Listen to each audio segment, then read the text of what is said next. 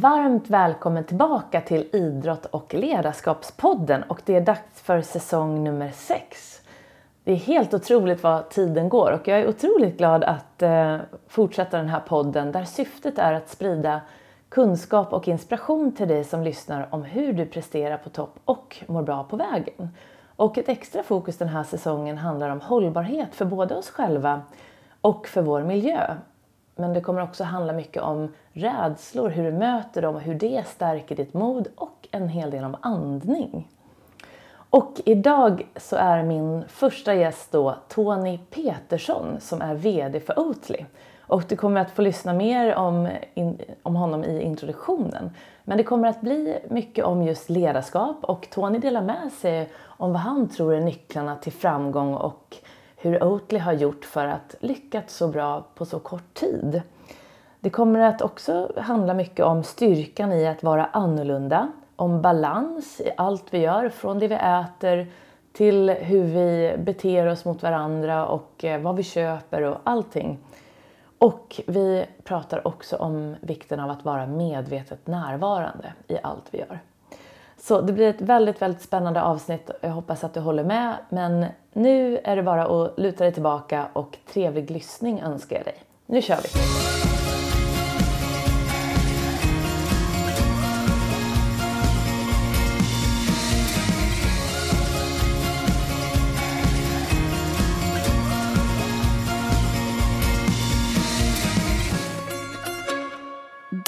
Ni varmt välkomna tillbaka till Idrott och ledarskapspodden. Och idag är jag mycket glad att få presentera min nästa gäst för er, nämligen Tony Petersson. Och Tony är VD för det framgångsrika företaget Oatly sedan 2012. Han har tidigare erfarenheter från olika branscher, både i Sverige och internationellt och är idag en erkänd entreprenör med ett starkt intresse av att skapa bolag och verksamheter som är hållbara både långsiktigt för konsumenten och för vår planet. Han har även drivit en hippkrog på Lilla Torg och bott på Costa Rica. På Oatly har han byggt företaget från att vara ett livsmedelsföretag till ett livsstilsföretag med betoning på just hälsa och miljöfrågor. Och flera nya produkter har lanserats det senaste året, alla baserade på svensk forskning och det unika patent som ligger till grund för Oatlys framgångar. Varmt välkommen hit Tony! Är det Stort någon... tack Jenny, jättebra att vara här. Ja, jättekul att du kunde vara med. Jag vet att ditt schema är superhektiskt så jag är supertacksam att du tar dig tid. Ja, det är lite hektiskt just nu men det, det är jättebra allting. Ja. Är det någonting som du vill tillägga till presentationen som jag precis nämnde? Nej, jag tycker den var jättebra. Det var en bra öppning. Ja, härligt. Okej, så vi kommer att prata om många spännande saker i det här avsnittet. Och jag tänkte börja lite om nuläget. Så om man frågar lite grann hur kan en dag se ut om man tänker framförallt eh, en arbetsdag som det är just idag?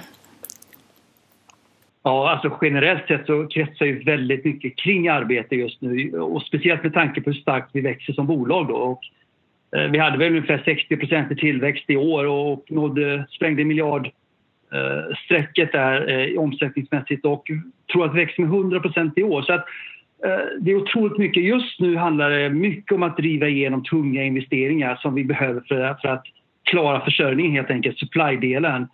Uh, och, och det, den är oerhört komplex med tanke på att vi har en exponentiell uh, kurva. Så mycket kring det. Eh, jag har också en ganska komplex eh, ägarstruktur. Med, den är liksom multikulturell kan man säga. Vi har en svensk eh, del, vi har mer en fransk del, vi har en kinesisk del. Så mycket handlar liksom om att balansera och koordinera allt det här. Det har blivit mycket om min, min uppgift här också. Så att en normal arbetsdag kretsar, kretsar väldigt mycket kring det. och en alldeles för många möten om jag får säga det. Men, men, men eh, jag har tänkt funderat mycket på det här med möten och, och, och, så, länge man, eh, så länge man fattar beslut på dem så, så är det okej. Okay, och, att och att de är väldigt eh, konkreta och eh, att man inte ödslar för mycket tid på att diskutera annat så, så funkar det bra ändå. Just det. Ja, men det kan ju bli så där jobbigt ibland på möten när man inte... Det, det är bra att någon leder mötet framåt. Ja, och framförallt ha en tydlig, eh, tydlig bild av vad det, vad, vad, det handlar om och att det finns beslutspunkter. Eh, diskussioner kan man göra på andra ställen tycker jag. Just det. Så Oatly är baserat i Malmö, stämmer det? Ja, stämmer bra. Nu är det det. Eh, huvudkvarteret, jag på att säga. Huvudkontoret. Eh, och sen har vi fabrik ute i Landskrona då. Ja, just det, precis. Och bor du i Malmö också? Nej, jag bor söder om Malmö i en, eh, ett samhälle som heter Höllviken. Det är jättebra där. Ja, härligt. Vad har ni för väder idag? Ja, det är olika nyanser av grått, så som det brukar se ut liksom på vintern här i Skåne. Vi får, inte, vi får ingen snö. Så att det, är, det är ganska fridlöst. Så, att, att, att kunna resa är ju en förutsättning tycker jag för att kunna bo här. Ja, jag förstår. Och det är ju ändå en bra, bra liksom plats när det gäller just resande. För du har ju nära till både Köpenhamn och eh, för, eh, apropå utresor, eller hur? Det är därifrån du reser som mest, ja, eller? Ja. ja, det tar en halvtimme till Kastrup så att det, det är inga problem. Nej, toppen. Um, och um, vi kommer ju fortsätta prata om Oatly och, och er utveckling och allt sånt där. Men jag tänker lite grann på din bakgrund. Eh, och jag tycker den låter så spännande. När man läser om dig då kan man läsa allt om att du ville bli samuraj när du var liten. Du har haft ett skivkontrakt och även varit då den här, eh, lett en hippkrog på Lilla Torg och bott på Costa Rica. Kan inte du berätta lite om din bakgrund med dina egna ord och sen liksom hur du hamnade på Oatly? Ja du, det är ju ganska konstigt att jag är här på Oatly egentligen. Eh, om man tittar på vem jag är och, steget. Men ändå väldigt naturligt på något sätt. Eh, ja, men jag har ju en... Ehm, vad ska jag säga? Jag föddes i Göteborg. Eh, och har en svensk pappa och en japansk mor. Och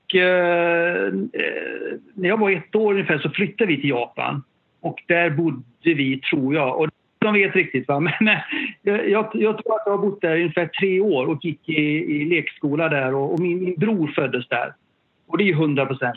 Liksom. Det, det, vet vi. uh, och sen flyttade vi tillbaka till ett samhälle utanför, ja, norr om Göteborg uh, som heter Sollebrunn, ett, uh, ett litet samhälle ute på landet i Västergötland. Och där liksom, jag är född på i slutet av 60-talet, 80-talet där, men det var liksom... När man inte såg ut som en liksom man säger, vanlig svensk, ja, men då, då stack man ju ut definitivt. Va? Så att, och plus att vår familj var ju, vi reste ju väldigt mycket, eh, speciellt med pappa då, runt omkring i världen. Så, där. så att, jag förstod ju så liksom att ja, men jag är lite annorlunda så. Eh, och sen i och med att pappa reste, har en japansk mamma, det var inte så att man fick hjälp med, med skolan direkt utan man fick ta hand om sig själv där liksom. Och så man, man skapar ju en stark man, man blir oberoende väldigt snabbt där eh, och fick reda sig själv. Men samtidigt det här japanska, du vet, eh, familjebandet är ju väldigt starkt. Va? Så jag förstod ju redan där liksom att ja, okej, okay, jag är annorlunda. Liksom. Och, och det, det, kan vara, det kan vara kanske en belastning för, i vissa fall, men, men jag såg det som en styrka. Liksom. Och det har jag väl burit med mig under hela min resa. Liksom, att, att just det här med annorlunda är, är någonting positivt. Så att, det tycker jag har använt, använt mig av. Och sen, sen samtidigt så, så kommer jag från en entreprenörsfamilj. Min mammas familj har drivit eh, restauranger. Alltså alla har haft restauranger i, i Japan. Mina, eh, mina morbröder, mina fastrar, min, min mormor. Eh, så alltså, mamma startade också en, en krog här i, här i Malmö då, när vi väl flyttade dit. Och min pappa har drivit många olika bolag. Så vi har en entreprenörsådra i familjen. Så att eh, det, det kommer ju liksom, jag har ju det, det finns i mitt DNA på något sätt. Eh, jag, jag kommer ihåg när jag, jag gick ju naturvetenskaplig linje liksom och eh, jag kom till pappa en dag och sa, sa att ja, men jag har sökt in på Chalmers nu och kommit in liksom. Och jag, vet inte, jag, jag tänkte att jag skulle bli ingenjör alltså. och han, han tittade på mig och sa liksom, vad fan ska du göra det för? Det är bättre du jobbar. Och, och, och då tänkte jag, jaha. Du tänker så? Tänkte jag. Ja, men, vad bra, men då gör jag det då istället. Det var en lätt väg ut. Liksom. Eh, och sen ganska snabbt startade, startade jag och min bror våra egna verksamheter och sen dess har vi bara byggt på. Liksom. Så kan man säga.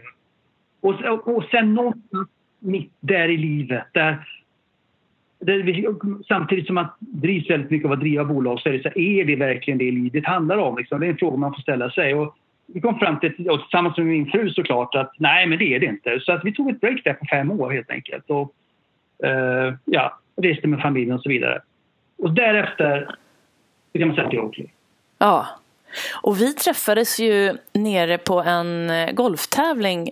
Vi kom fram till att det var 2013, eller hur? Och då hade ju du precis börjat på Oatlys, var det så? Ja, men det stämmer. Då har det varit ett halvår då, ungefär. Just det. Och det jag undrar, för när man läser om dig då så, och om Oatly också framförallt så ser man ju den här medvetenheten kring klimatet som en slags röd tråd och vikten av hållbarhet. Och när startade din medvetenhet kring just de här frågorna som är så otroligt viktiga? Både för företag och människor. Ja, men det, det, egentligen det triggades egentligen av att det här, det, just det här breaket som, som jag tog där, jag sålde alla våra bolag eh, och, bestäm, och bestämde för att inte göra någonting. Liksom, redan där fanns det ju liksom någon sån insikt i att men är det här verkligen rätt? Är det här, är det, det här jag vill göra? Och sen när man reste så, här, så kunde man ju se alltså, speciellt i Costa Rica, du ser extremväder och hur det drabbar människor och, och, och planeten. Va? Du ser extremtorka, eh, du ser extremregn liksom, och, och eh, du förstår att ja, men det här har med klimatet att göra. Där föddes det hela liksom, att okay, men när vi kommer tillbaka till Sverige då vill jag någonting som, som, som bidrar till världen och samhället. För att, för att du vet, när man driver bolag, på något sätt så handlar det om en transaktion till slut som ska hända och så blir man fokuserad på den transaktionen så man får in pengar i bolaget. Alltså, det, är, himla, det är väldigt monotont, eh, tycker jag. Alltså, det måste handla om någonting mer. Och den, den kan man säga, den, den väcktes under hela den här perioden. Mm. Och, och hur, hur, kom du i kontakt med just Oatly? Hur såg Oatly ut då när du eh, tillträdde som VD? Uh, eh, och ja du, alltså jag tror väl med att jag slängdes in i en process där liksom. jag vi var en headhunter och eh, Lopp, är du intresserad av det här så var det en bild på en fabrik. Liksom. Och jag tänkte, nej men vad är det här liksom? Och livsmedelsindustrin, det är, det är ett ställe jag absolut inte vill vara på. Men jag, jag tackar ändå ja, liksom, att ja, men jag tar jättegärna intervjuer. Liksom. Och eh, det säger egentligen så här att de hade ju haft eh, fantastiska, alltså väldigt kompetenta människor eh, som, som kandidater till den här rollen. Men styrelsen var, var väldigt envetna i att inte ta någon från industrin så att säga. Och de, de, de människorna kanske var svåra att hitta då. Jag slängdes in i den här processen som mer för att skrämma dem. Liksom. Så att, ja, men, ja, men tar ni inte en, sån här, en, en, kompetent person som är duglig här, liksom, då får ni en sån här tomte. Och det är bara det att jag, jag och den här styrelsen kom väldigt bra överens redan från början. Det klickade redan på start där. Så att eh, det, ja, det leder till att jag började helt enkelt. Ja, spännande. Nej, men och just det här med att när jag kom till Oatly, du ställde frågan så här, hur, hur Oatly såg ut då. Va? Och eh, då var det ett väldigt litet bolag. Det var ungefär för drygt 40 personer som satt på en åker utanför Landskrona där och fantastiska produkter och väldigt akademiskt och, och, men lite strukturerat som ett livsmedelsbolag. Va? Alltså som Procter Gamble och, eller Unilever eller Nestlé. Liksom man, man har de här olika funktionerna, de här olika rollerna och sånt där. Så att eh, det, det, var så bolaget såg ut då. Mm. Så, och eh, när man läser om eh, det, den här verksamheten som du nu har drivit i, vad blir det, sex år? Är det så? Tolv? Ja, precis. Ja, ja. Mm. Så ja, jag, jag lyssnade på en intervju med dig där du bland annat berättar att ni är ett eh, värderingsstyrt bolag och att värderingarna måste komma inifrån företaget och att det är detta då som företaget byggs på. Och det, det där tror jag ju själv på väldigt mycket och förstår ju självklart hur viktigt det här är. Men då undrar jag lite grann hur du upplever att man bygger sina värderingar inifrån.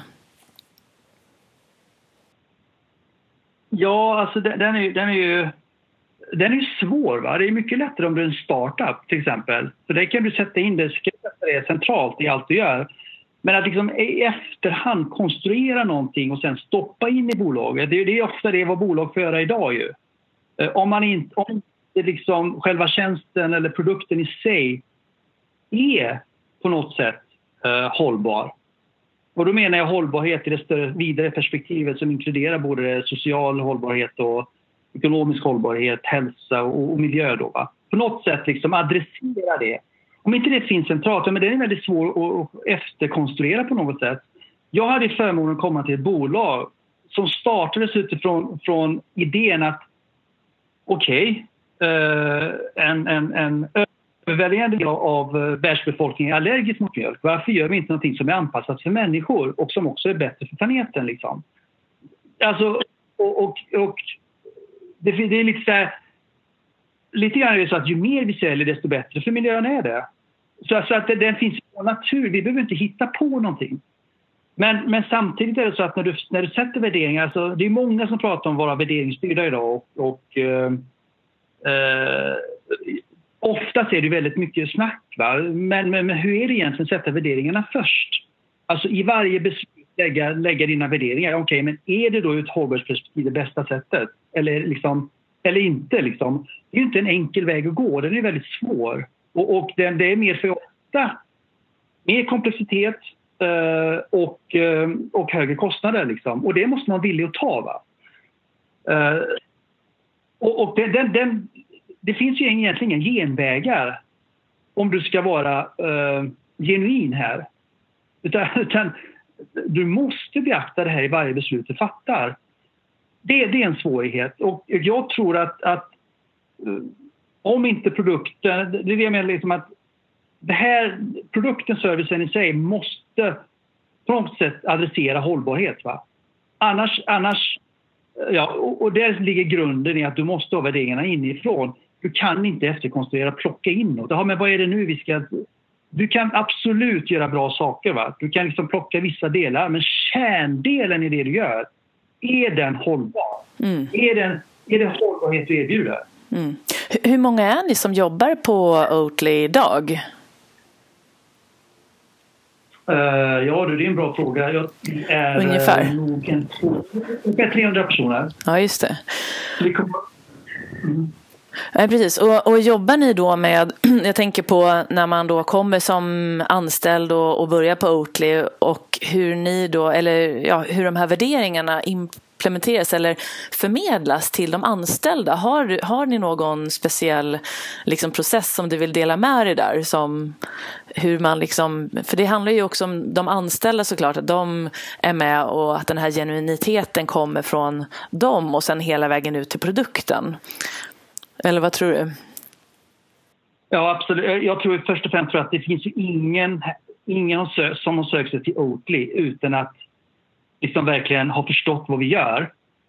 Sen när man kommer till Oatly, alltså så att, så att vi får redan i grunden människor som delar våra värderingar.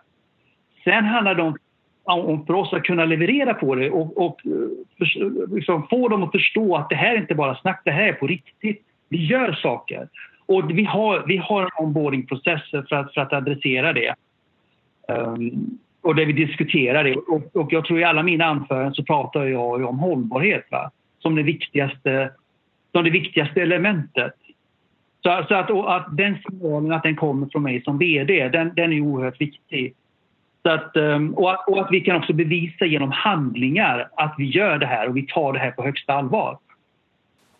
Ja, men det tycker jag verkligen att man förstår. Det syns ju på era paketeringar och vi kommer komma in lite mer på det när, jag har, när vi ska prata lite om marknadsföring. Men eh, för att återgå också mm. lite till verksamheten och hur det ser ut idag så har det varit en väldigt het sommar här i Sverige också. Vi pratade, du pratade om torkan i Costa Rica. Vi hade ju världens torka i Sverige här i somras. Och då undrar jag hur, hur det här påverkade havreproduktionen och hur ni tänker liksom, apropå det här i framtiden. Ja, alltså vi har inte varit i den situationen tidigare. där Vi haft den här torkan. Eh, alltså, eh, och det är bara att konstatera att den svenska haven räcker inte till för livsmedelsproduktion. Så att, eh, så att för oss handlar det väl om att försöka hitta nordisk havre, framförallt finsk havre då, som vi blandar med den svenska havren på något sätt. Och, och, men det är jag så uppmärksamma på att jaha, det här kan ju hända även här. Va? För att normalt sett i de områden där, man, där man odlar havre, det, det har ju de här naturliga eh, förutsättningar när det gäller väder. Liksom. Så att du behöver ju inte bevattningssystem eller något sånt där, utan det, det växer liksom på fälten. Eh, och det, det, har ju med liksom att eh, det gror i vissa klimat. Liksom, va? Men, men nu helt då, plötsligt så, så drabbar, det, drabbar detta oss. Eh, och det är definitivt en, en, eh, en, eh, en wake-up call för, för vår del. Då måste vi se, okej, okay, hur säkrar vi havren olika delar. Vi har ganska många länder att serva nu. Liksom. Just det. Att, eh, den är komplex nu. Ja. ja. Och, ja, men precis, så det är väl jättebra. Man brukar säga det just när man får, det måste bli lite sämre innan det kan bli bättre. För det här har ju gjort att hela, eh, i alla fall Sveriges befolkning, där jag framförallt rör mig, har ju verkligen vaknat upp för det här med klimatet. Så jag tycker det känns väldigt hoppfullt att eh, fler och fler verkligen blir engagerade i, i just det här. Även om det också innebär sådana här lite mer katastrofscenarion som man upplevde här i somras. Ja, och, ja men absolut. Va? Och, eh, och, det, och jag håller med dig. Jag delar uppfattningen att folk är mer uppmärksamma och, och absolut mer medvetna. Framförallt drivet av ungdomarna va? som kom hem till oss liksom att det här är rätt och det här, det här är fel uh, ur, ur, ett klimatperspektiv. Och jag tror att det viktiga, liksom, eh, det viktiga är att förstå att man gör rätt saker. Det här, det här bidrar verkligen.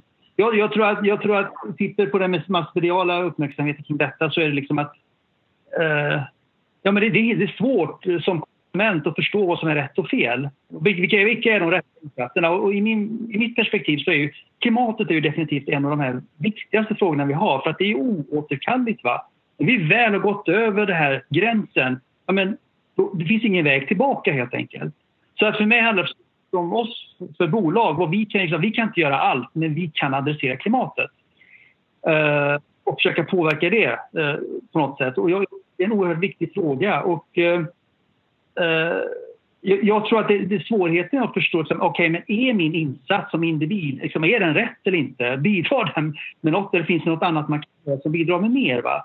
Eh, den, är, den är lite svår eh, med tanke på allt Ja, men precis. Och jag, tänker, jag har faktiskt nästa fråga här. Just det här när man är konsument och inte riktigt vet kanske helt. Jag, jag kan ju tyvärr inte gå in. Jag önskar ibland att jag kunde gå in på vår närmsta mataffär och veta att allt som fanns där eh, är bra för klimatet. Så att jag liksom inte själv ska behöva gå in för att jag är för okunnig i det. Men jag har eh, min granne här, hon är 17 år. Hon undrade just eh, varför ska man dricka havremjölk istället för vanlig mjölk eller eh, sojamjölk till exempel. Så vad skulle du säga om man får, när, för ni jobbar ju med havre så att säga, men varför ska man just dricka det istället för annan mjölk? Ja, det, ja det, det finns flera olika aspekter till det. det om, om, vi kan ta hälsa till att börja med då. Eh, och, eh, vi tittar på havren i sig, så det är något som finns naturligt här i, i, våra del, i vår del av världen. Eh, det är en otroligt näringsrik gröda, framför allt när det gäller makronutrition. Va? Och i en process så är det viktigt att kunna behålla den makronutritionen. Um, och um, vad det handlar om för vår del, det, det, är balans. Och alltså, balans, alltså, det är ju en del av en diet. Det är inte en dundermedicin. Och det, det, det gäller ju hela, allting vi äter är en kombination. Alltså, det är en kombination av allt du stoppar i dig. Och där är vi en del. Och eh, vad vi förespråkar är ju en balans av allting. Och när du tittar på makronutrition som till exempel fett, kolhydrater, eh, tittar på fibrer, tittar på protein så, så uppfyller vi alla de kraven. Vi har ju designat vår produkt efter Världshälsoorganisationens kriterier när det gäller makronutrition för det första. Och eh, när du dricker våra produkter så får du också fibrerna som är det som heter betaglukaner som gör att när du dricker en viss mängd så kommer du antingen behålla eller reducera kolesterolhalten. Och det här är bevisat, eh, vetenskapligt bevisat att vi har claim på våra eh, produkter. Och det finns ingen annan mjölk som har det. Och sen samtidigt att vi, vi, vi, att vi jobbar, alltså går ifrån det animaliska fettet, det mättade fettet.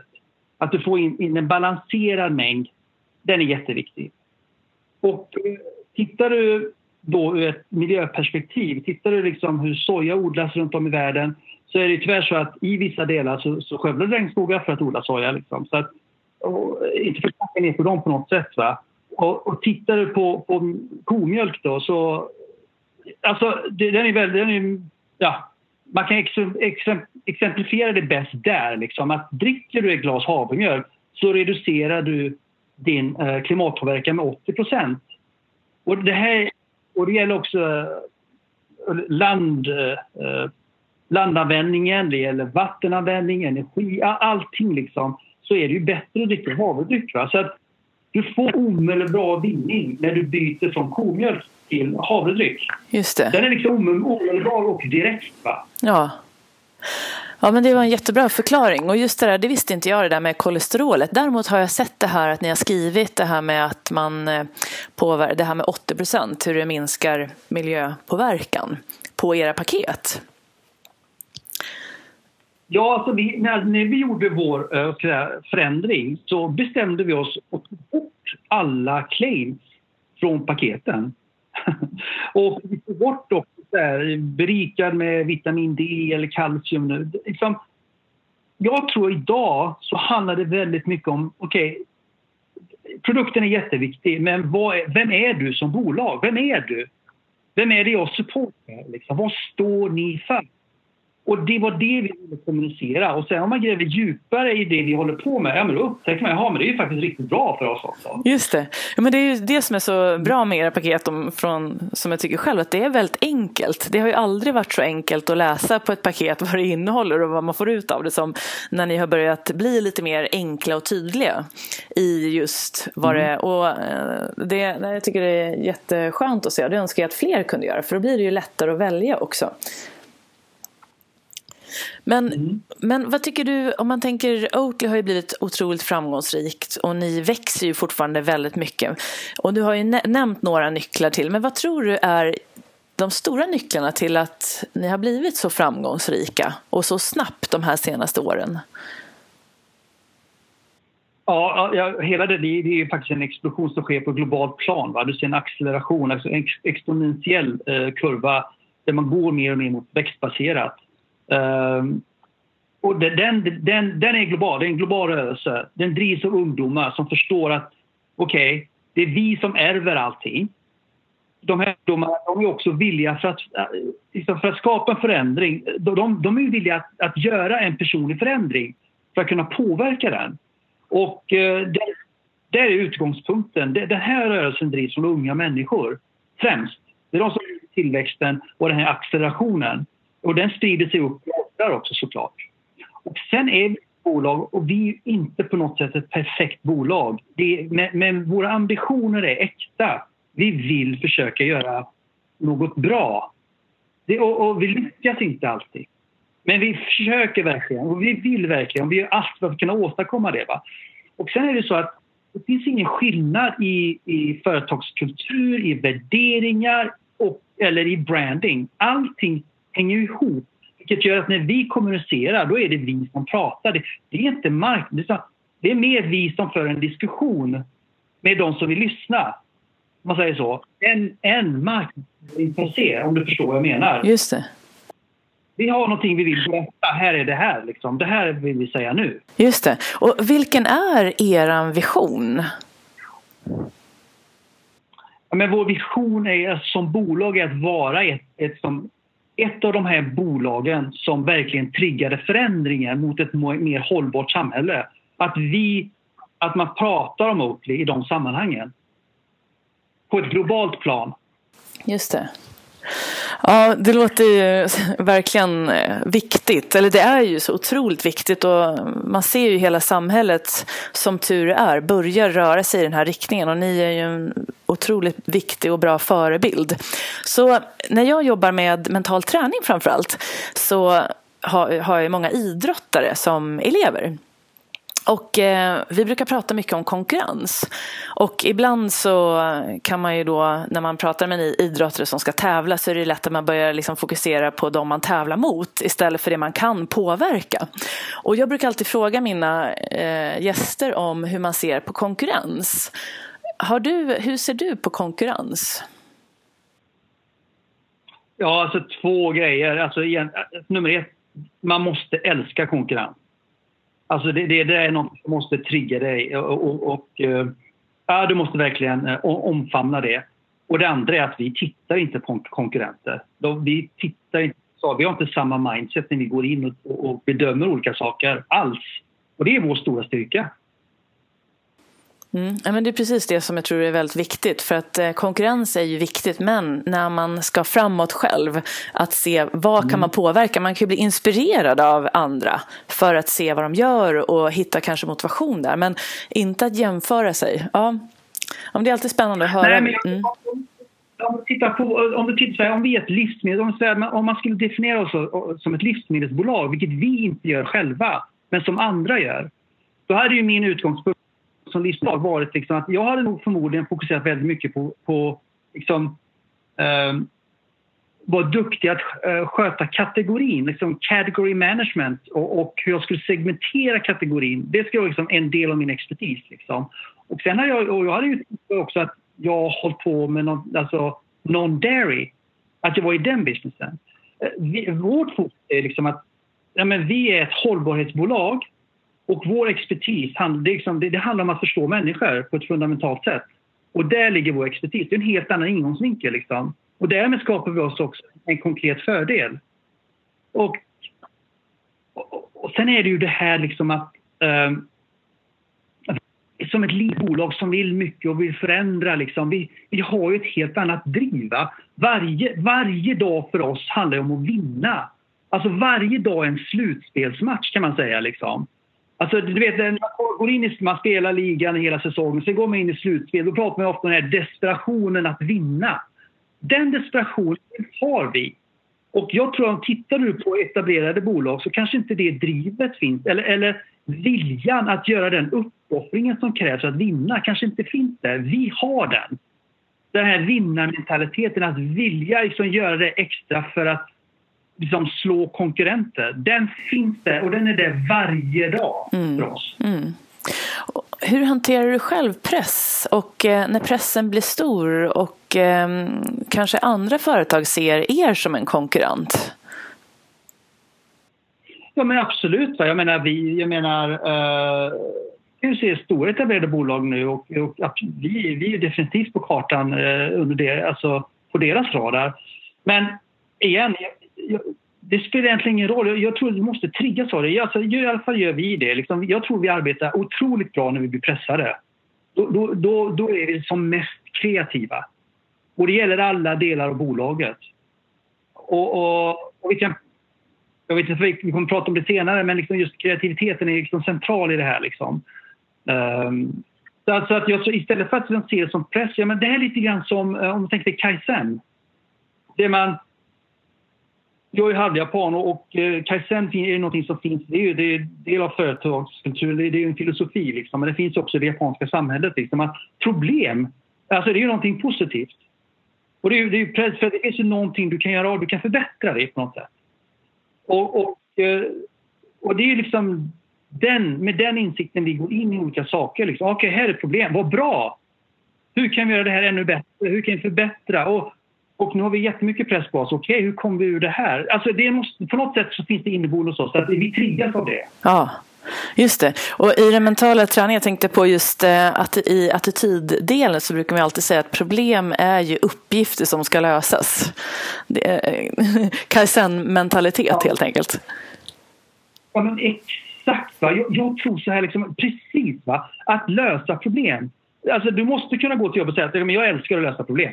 För att om du inte löser problemet så kommer ingenting hända och du kan inte bara liksom skjuta det ifrån dig. Och jag som VD ska inte göra det. Jag ska inte förlita jag måste fatta väldigt tuffa beslut och lösa många svåra problem varje dag. Och jag måste på något sätt tycka det är inspirerande och roligt och triggas av det. Annars, annars är det ju kört. Ja.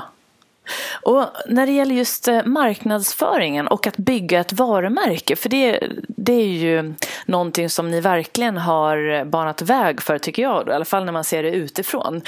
Um, och ni har haft en slogan i alla fall, jag vet inte om ni har den fortfarande, men just det här wow no cow och då undrar jag hur kom ni på den och använder ni någon reklambyrå eller är det här någonting som ni jobbar med själva? Ja, okej. Okay. Eh, ja, vi jobbar med en från, från Göteborg såklart som kom på det här med Wow No Cow. Och liksom, det är ju engelsktalande person som ska komma på den. Den är ju jäkligt tacky alltså. Men den fungerar så otroligt bra också.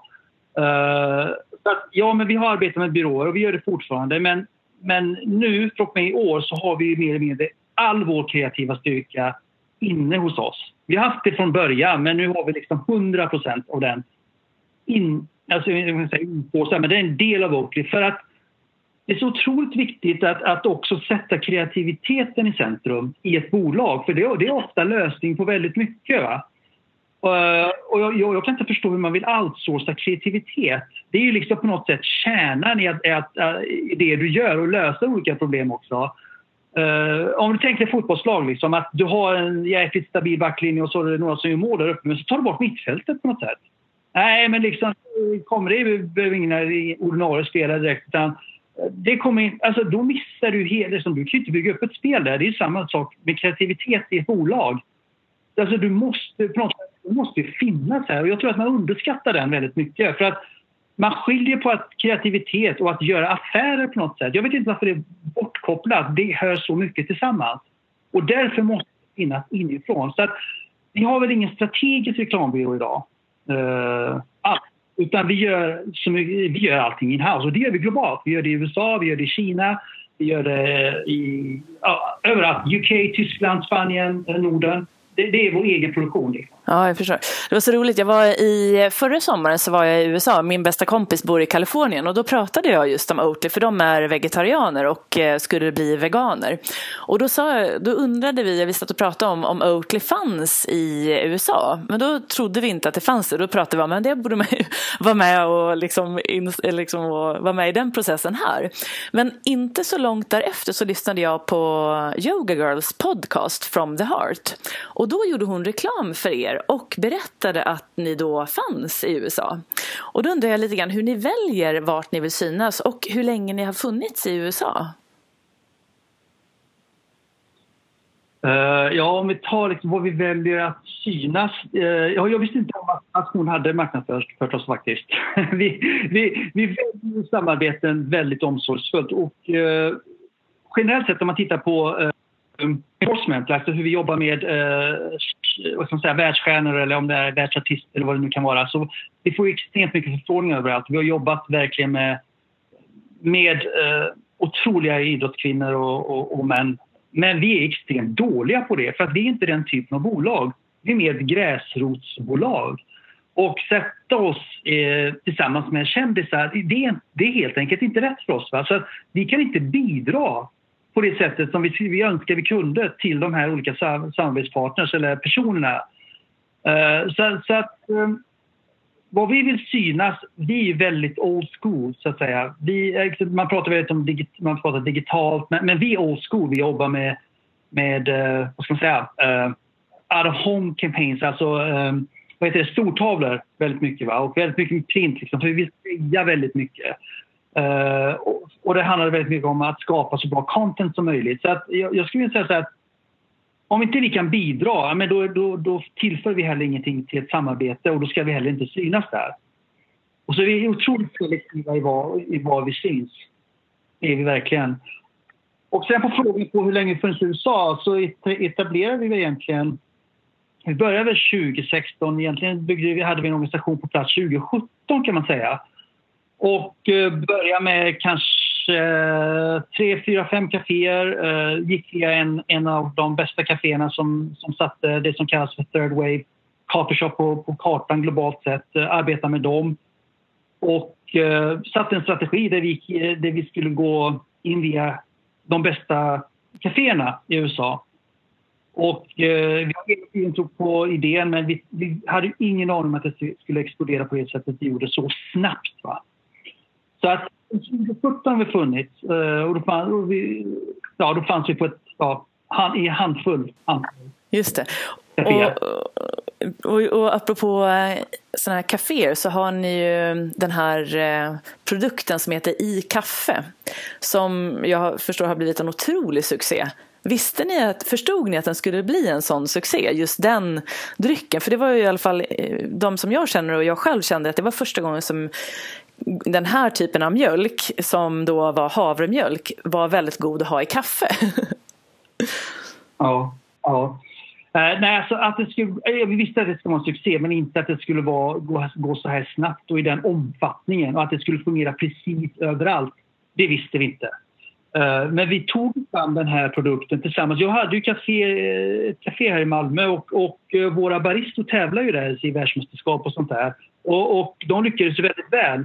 Så att jag började med att använda de här personerna för att också... Vi hade ju en grundidé och, eh, kring hur vi teknologiskt skulle kunna göra den här eh, produkten och eh, arbeta med de här baristerna för att skapa den bästa funktionen och smaken. Så vi visste att det här är en fantastisk produkt och det, det, det, det är verkligen mix, alltså det blandar sig väl med kaffe och den smaken. Va? Uh, och sen är det så att när det gäller mjölkkonsumtion så är ju liksom, alltså mjölk i kaffe eller te är ju på något sätt sweet spoten. Det är ju där du konsumerar mjölk ur ett globalt perspektiv. Så att där är det som, har det blivit en enorm hype kring den här produkten. Och då pratar jag från västkusten till USA till Shanghai liksom, och allt däremellan. Ja, det verkar vara samma smak eller? Så den har gått lika bra utomlands som den har gått i Sverige? Ja, eller, eller till och med bättre. Så att eh, tittar du USA till exempel, eller England, eh, till och med i Kina liksom. Och, eh, nej, det, det, det har funkat väldigt bra smakmässigt och funktionsmässigt. Den skummar ju också fantastiskt bra. Ja, exakt. Nej, den är helt mm. fantastisk verkligen.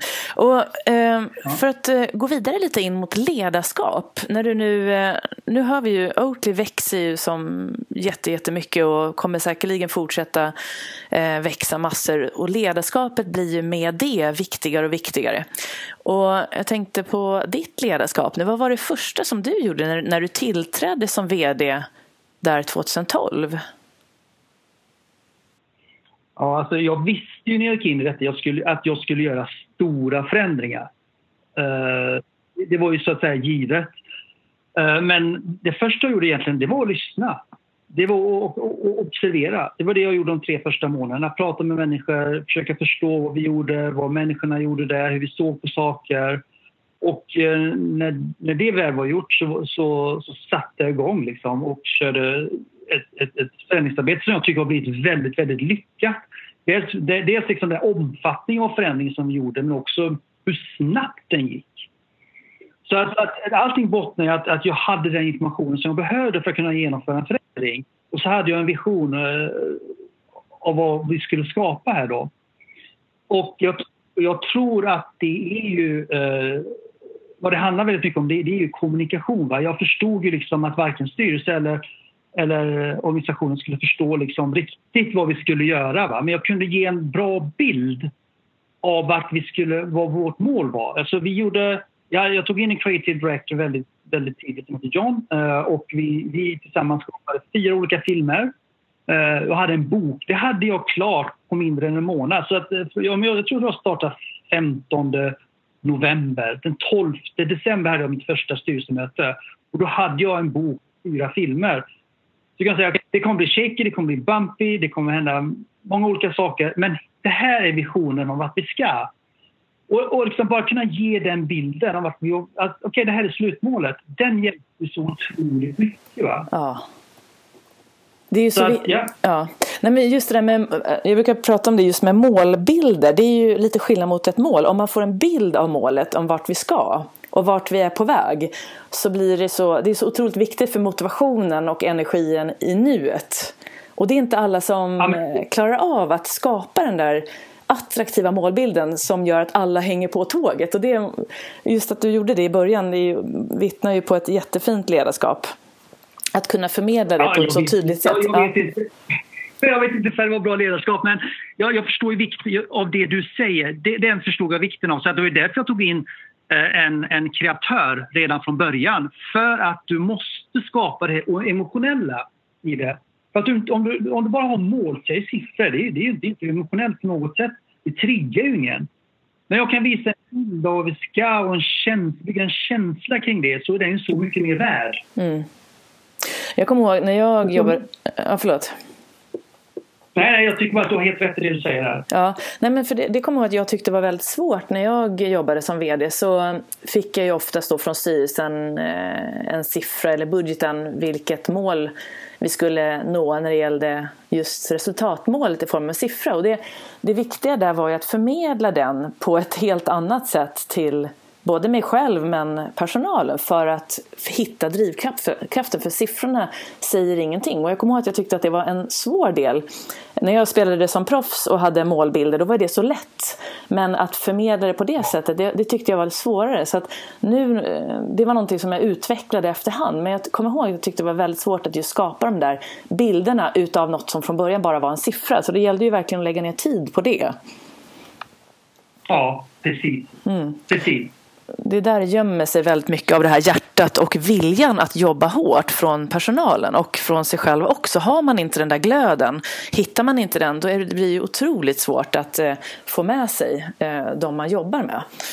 Ja, men, det, ja, men absolut. Va? Och det är som du säger, en siffra betyder ju ingenting. Utan man måste fokusera på liksom de, alltså, eh, på något sätt eh, resultatet. Som egentligen, vad, vad, är, vad är det då? Liksom? Eh, och hur skapas det? Men man måste ju fokusera på, som, som tittar på vårt bolag till exempel. Om man tittar på ledarskapet, eh, flyttar ut från ledarskapet, tittar på bolaget liksom. Vi, ja, men vi har, absolut, vi har ju mål va? men vi fokuserar på att försöka göra bra saker och att det i sin tur ger resultat.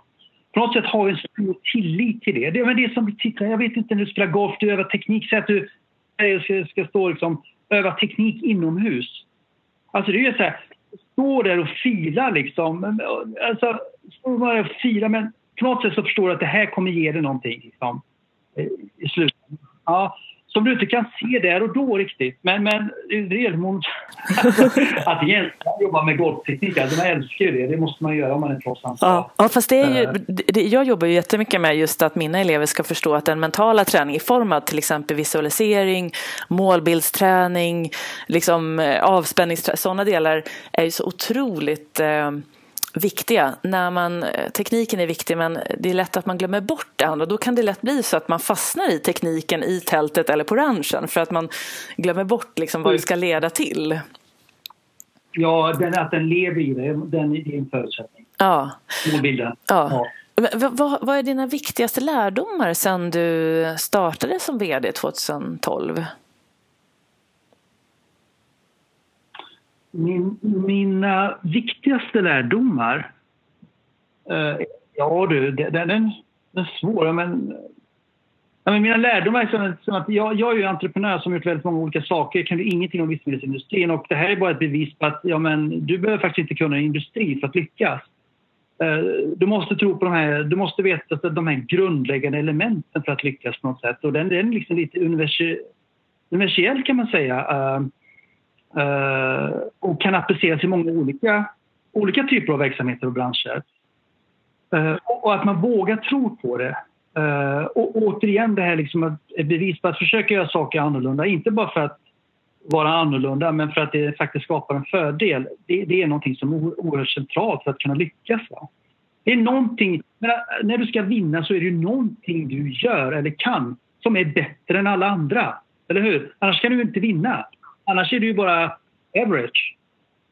Uh, så, så, alltså att någon, just att förstå vad det är och, och, och liksom kunna liksom amplifiera det på ett sätt, det, det, det tror jag har varit uh, mig. Ja, du nämnde ju här i början det här att, eh, att du tidigt förstod att, att du var annorlunda och att du kunde se styrkan i det.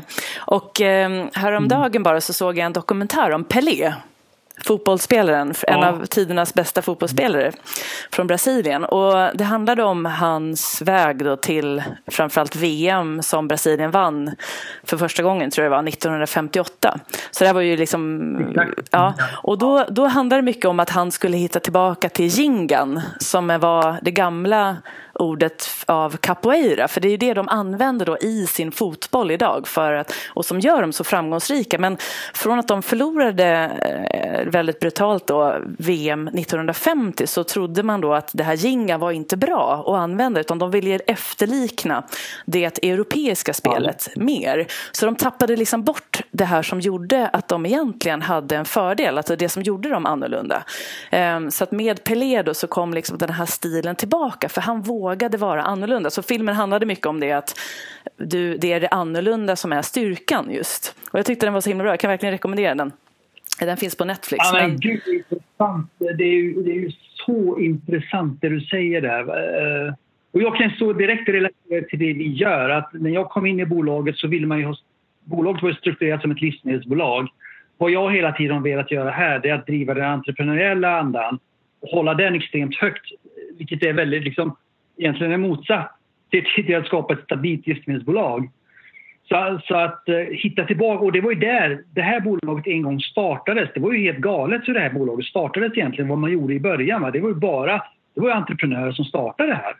Och den andan är viktig att hitta tillbaka till och, och kunna omvandla till en styrka liksom. Så att, eh, var, var, var otroligt intressant att du säger det. Ja, och jag kan verkligen rekommendera. Jag fick otroligt mycket... Ja, den var väldigt gripande och, och spännande och på alla sätt och vis. Eh, och, och, och framförallt om man, om man driver ett företag eller eh, ibland kanske också när man känner sig lite...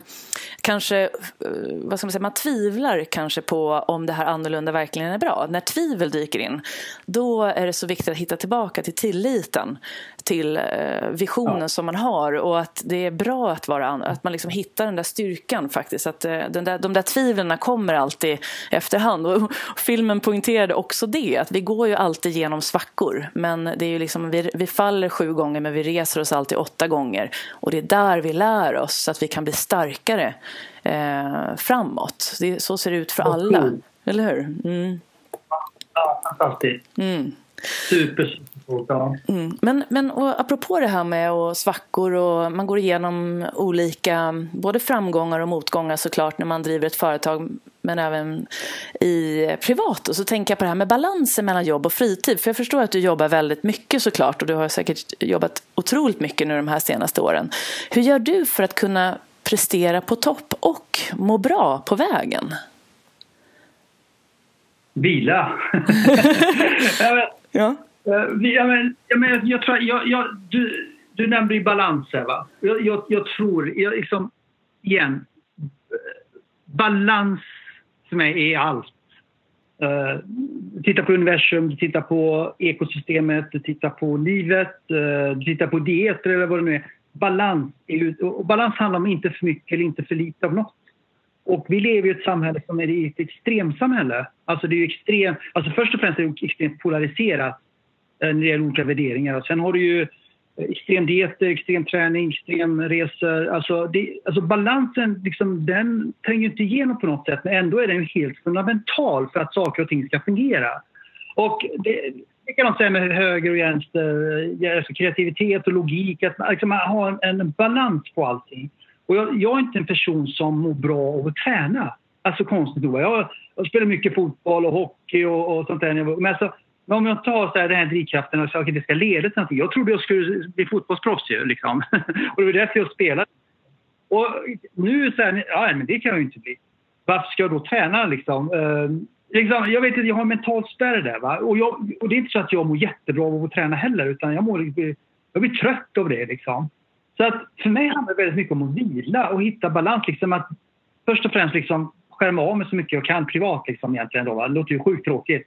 Men umgås med familjen, eh, kanske träffa vänner, eh, gå i trädgården. Men sitta då du vet, på en soffa och säga, nu dricker jag kaffe och liksom fokusera på att tycka att det är vilken, vilket privilegium att dricka det här kaffet just nu, vad bra det smakar. Liksom. Du vet, kunna fokusera på den stunden just där är så otroligt viktigt.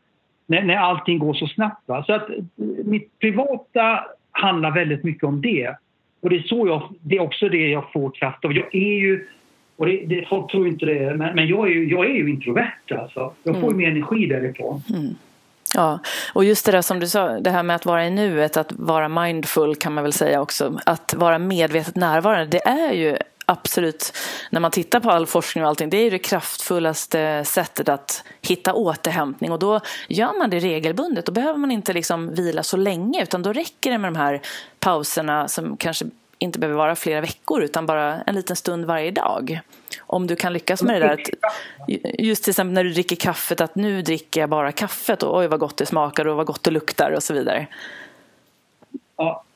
Det är precis. Det, det, ja. det, vi har gått igenom några julhelger här och eh, med, med, långa ledigheter och nyårs. För vår del så handlar det om vi hade ju extra inkallade styrelsemöten, vi, återigen tunga beslut att fatta investeringar, jobba igenom hela det. Men på något sätt göra det utan att man känner, tycker att det är ansträngande. Det handlar om, att kunna, det handlar om balans. Ja, just det. Jobbar du någonting med, med meditation eller den här formen av träning med era anställda på jobbet? Nej, det gör vi inte. Däremot har jag försökt jag köra ett experiment här med min ledningsgrupp. Eh, det finns väl någonting, om man inte minns vid Act Studio i New York. Det är där Robert, Robert De Niro, uh, Leonardo DiCaprio går. Liksom, man, liksom, man handlar verkligen att vara närvarande i stunden. Va? Och jag tänkte att men vänta lite, det där, det, det är ju, allting handlar om det där. Kunna vara närvarande just där, kunna liksom nästan avsluta din mening för att jag är så närvarande. Liksom. Uh, det, det är bara det att det blev lite för crazy för oss. Jag tror fortfarande på den idén. Jag tror att liksom just den metodiken de använder är otroligt nyttig både, både individuellt, alltså personligt och, och professionellt. Va? Så jag skulle vilja fortsätta göra den grejen. Så det är väl liksom den formen. Men mental träning, nej, vi jobbar inte med det.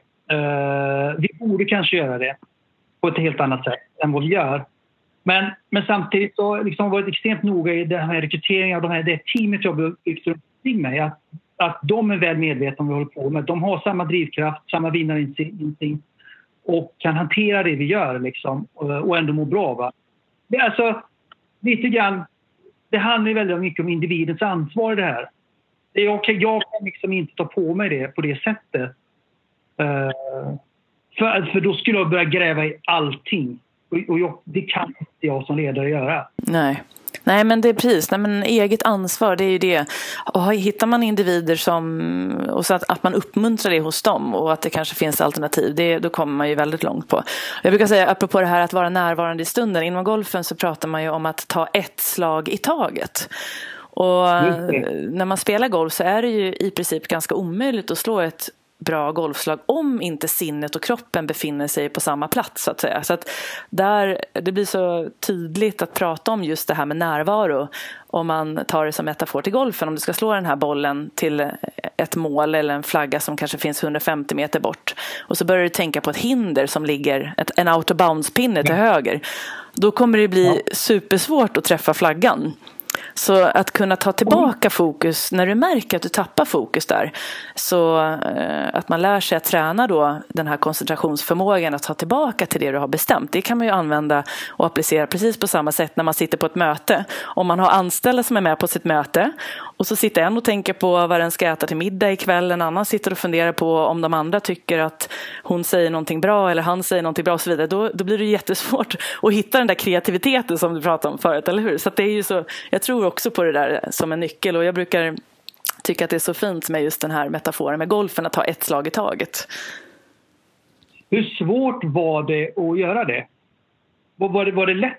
Eller var det, alltså, vad krävdes för att kunna göra det? Alltså det är ju träning. Jag brukar, eh, att till exempel, du kan ju sitta och göra en övning till exempel att, eh, med dina anställda eller som jag jobbar nu med mina elever då, att du får fokusera på temperaturen på luften som du andas in och ut genom näsan.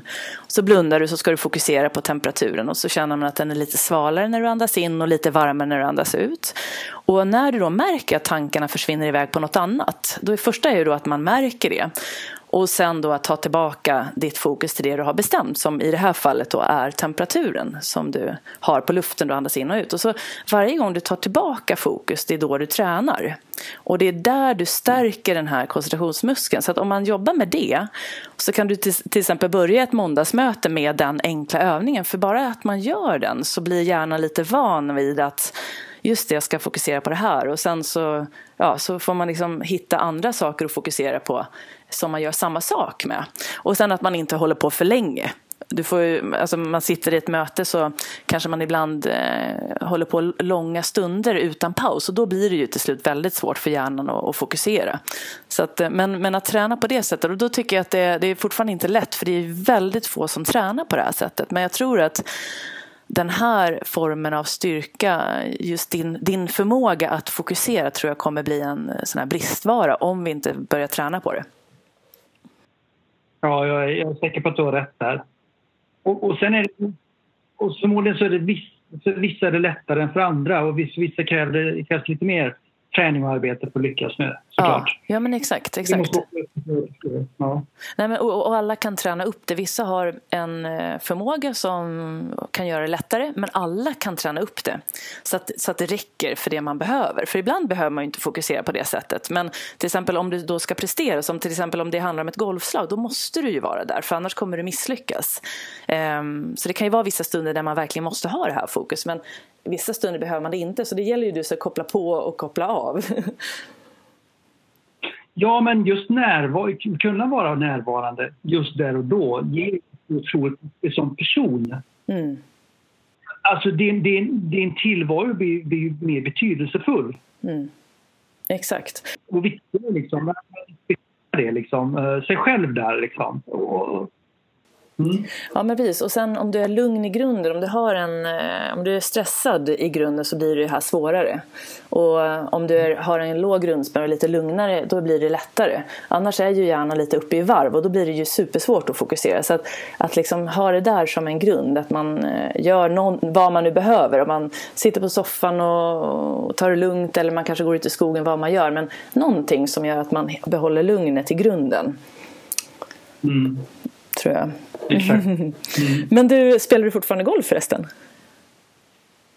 Nej, två runder förra året. Jag, jag för första en usel golfare. Alltså det är bara så att det är tydligt och klart. golfare. Men, men och min, min son har spelat mycket golf så här och det, det, är fortfarande det är otroligt trevligt att åka på resor och spela på, på fina banor och så koppla av och så vidare. Det, det är en flykt från vardagen på något sätt. Nej, men jag, jag spelar inte så mycket som jag kanske hade velat. Nej, det tar ju lite tid. Det är väl det som är nackdelen. Speciellt om man, om man har mycket att göra så blir det svårt att få in det ibland. Ja, absolut. Mm. Men du, jag tänker på framtiden här. Vi har ju pratat lite om mål och, och så. Vad, vad har Oatly för... Vad tror ni att ni befinner er om, säg tre till fem år? Ja, fem år rent så här, omstorleksmässigt så ska vi... Jag tror vi kommer... Eh, det här låter ju kanske crazy så här, men, men jag, jag har ett mål att vi ska nå runt en miljard dollar i omsättning då.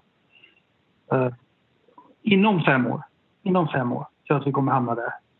Uh, och, och, och, för att klara av det så är det massa olika delar som måste få plats och, och, och, vi måste bygga rätt och vi måste lyckas med det vi gör och så vidare. Så det är absoluta målet att, att vara ja, uh, a billion dollar company inom, inom fem. Mm. Ja, det ska bli jättespännande att följa. Vad, vad, tror du själv, jag tänker på hela livsmedelsbranschen, hur tror du att den kommer se ut? Tror du att, att folk, de flesta företag rör sig mer mot hållbart, hållbarhet och om du ser kanske fem till tio år framåt, hur tror du att det ser ut då? Ja, om, man, skiljer på det, hur jag vill att den ska se ut och hur jag tror att den kommer se ut så jag vill ju tro att, att uh, många bolag har gjort en snabb omställning. Uh, liksom, där man tittar på allt från, man, från vad man innoverar till hur man producerar, hur man odlar uh, vad man konsumerar. Liksom, hela den kedjan. Att på något sätt har vi gjort något radikalt där. Vad, jag, vad jag tror kommer att hända det är liksom egentligen inte så mycket. Va? Vi, har, vi kommer inte att ha gjort tillräckligt stora insatser för att det ska hjälpa i tillräckligt hög grad. Det är vad, det är vad jag tror. Och det är inte så här, det är inte... Det, det är bara, ett, det är bara rent titta på det krasst vad som händer. det här behöver göras. Eh, det här tror jag vi kommer uppnå baserat på allting som vi ser hända idag. Ja, men då ser det bra ut liksom. Och det, och det, det är inte så, det är inte så det är inte... Eh, det, det här negativa, det är inte, ingenting jag projicerar på någonting. Så det är bara rent krasst så ser det ut så liksom. Uh, så att tyvärr, liksom, livsmedelsbranschen eh, måste liksom förändras i grunden eh, radikalt för att vi ska minska påverkan på planeten. Och, och det ser inte ut att hända. Nej. Men man kan försöka. Man kan, ju alltid, man kan alltid göra sitt bästa. Man kan alltid försöka. Det hindrar inte oss från att verkligen försöka. Nej, men precis. Och att försöka hitta det man kan göra för att hitta hoppet framåt. Det är ju det, det är lätt att man eh, tappar hoppet men det är så viktigt att man, eh, precis som ni gör, att man verkligen har de här visionerna av att vi, det enda vi kan göra är att försöka göra så gott vi kan. Och så får vi försöka, vi andra vanliga individer får försöka påverka livsmedelsbranschen i helhet genom att köpa bara sådana produkter som, som man vet då är hållbara. Ja, alltså vad vi kan göra idag det, det är att göra det bästa vi kan. Eh, och absolut, absolut inte ge upp. Va?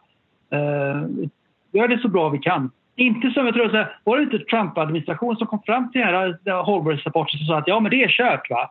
Och så, eller ja men det ser inte bra ut kommer de fram till och så tycker Trump liksom att eh, Ja, men okej, då är det ingen, ingen idé vi gör någonting då. Utan det är bara att fortsätta som vi håller på. Ja, liksom. ja Alltså, exakt. Det är liksom fel approach. Ja, Ja. exakt. Nej men exakt, Ja. Nej, men det, det är det där som vi får hoppas. Jag tycker ändå att det, det är fler och fler som gör något och det gäller att både media och eh, alla som syns försöker att eh, uppmuntra till det. Eller hur? Oavsett vad som komma skall så vet vi. Är, jag brukar säga vad Lars-Erik Unestål brukar säga, han som grundade mental träning, att ordet omöjligt är omöjligt att använda om framtiden. För vi, vet ju inte. Även om vi ser vissa saker idag så får vi, då får vi väl skapa en vision av den här fina, vackra framtiden och jobba mot det. Exakt. Exakt. Vad Det är väldigt klokt sagt vad har du själv för framtidsplaner här närmast? Finns det någonting som...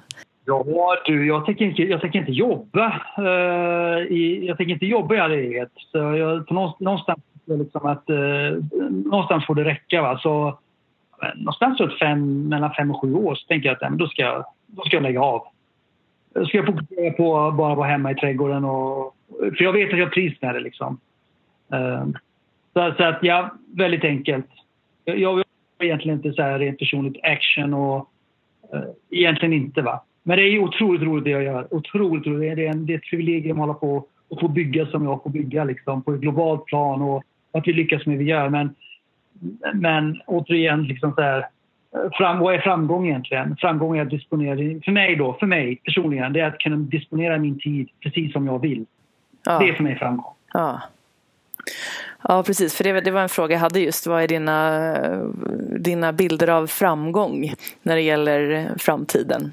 Men det är den inre framgången. Ja. Kanske. Ja. Ja, Ja. Nej, men jag tror, jag tror att... eh, men, jag menar, när, när, du, du, man märker så väl så här, när man är i balans och inte i balans riktigt. Så, här, liksom. så att jag, jag tror att mitt... Eh, verkligen liksom förankra den balansen, den, den, den, den, känns viktig för mig. Liksom. Och, och det är väl det jag hoppas i framtiden kunna verkligen djupt förankra. ja. Så om du fick välja tre saker till att, eh, att säga till eh, en av dem som lyssnar. Det kan ju vara en ung eller äldre tjej eller kille. Och som drömmer om att starta eget eller kanske bli en stor ledare eller satsa på sin idrott, bli proffs eller nå en annan dröm. Vad skulle du säga då? Har du några så här råd och tips till de som lyssnar? Uh, ja, den är ju, den är ju jättesvår. Va? Men, men framförallt om du lyck, lyckas... Eh, jag, tror först, jag, jag, tror först och främst liksom det, du definierar själv vad framgång är. Ingen annan ska diktera vad framgång är för dig själv. Den tror jag är jätteviktig. Va? Eh, man måste titta in inåt till sig själv och liksom verkligen så här, förstå eller definiera för, för en själv. Det här är framgång för mig. Och, och sen tror jag att försöka väldigt, väldigt, jobba, mycket, jobba väldigt mycket med liksom just den här rädslan. Det, det finns mycket, Om man tittar på ett bolag till exempel, många dö, goda idéer dör ju för, för, att det finns en rädsla någonstans. Att försöka eliminera den utan att vara dum på något sätt. Uh, man, man behöver inte vara så här, men det är någonting som man vet kommer misslyckas. Liksom, till exempel. Men, men att försöka ta bort rädslan som ett element är jätte, jätteviktigt tror jag. Och sen tror jag att får man en chans att kunna göra det man drömt om så, så ta den chansen. Gör det och försök hålla ut liksom. På något sätt. Så det är egentligen... Ja, jag tror, jag tror att... Ja, det är väl det jag kan säga just nu. Ja, jättebra råd. Du, om man vill läsa mer om dig eller följa dig, har du något eget konto eller är det Oatly man följer då? Jag tänker på sociala medier. Ja, jag, jag försöker hålla så låg profil som möjligt. Uh, inte på sociala medier eller någonting sånt där utan uh, jag, månar om, jag månar om mitt privatliv även om det inte verkar så. Uh, så att där man följer Oatly i så fall. Ja, är det oatly.com som är adressen? Ja, till hemsidan är det. Sen finns vi på sociala medierna och allting. Och man, vi kommer säkert se, se mycket av Oatly framöver. Liksom. Ja. Ja, det ska bli så otroligt spännande att följa den här resan. Det känns lite som att den är i början. Att det är bara i början. Ja, men, ja, men du har så rätt Jenny. Det, det är verkligen så. Liksom. Vi har åstadkommit jättemycket under de här åren. Va? Men det är bara i början va? av hela utvecklingen. Och det är det som gör att det här är så otroligt spännande. Och just kunna liksom, som dra ut det här globalt till de här stora marknaderna som USA och Kina. Liksom. Det, och det är då vi verkligen kan skapa en förändring, när vi kan påverka så här stora marknader. Och eh, därför det handlar liksom om att kunna förflytta samhällen på något sätt för att kunna lyckas med, ja, för att lyckas med det vi vill eh, åstadkomma. Ja, och det behövs att, bara ja, och det, och det, behövs ibland bara en person eller ett företag för att förändra en hel värld. Kanske, kanske, ja. Det kan i alla fall vara inspirationskälla till, till många andra. Ja. Ja, du Tony, ett stort varmt tack för att du verkligen var med och delade med dig av eh, din inspiration och kunskap och reflektioner så här till både mig och lyssnarna. Det har varit otroligt eh, intressant liksom att prata med dig, verkligen. Nej, men tack så mycket Jenny, det var jätteroligt att få prata med dig.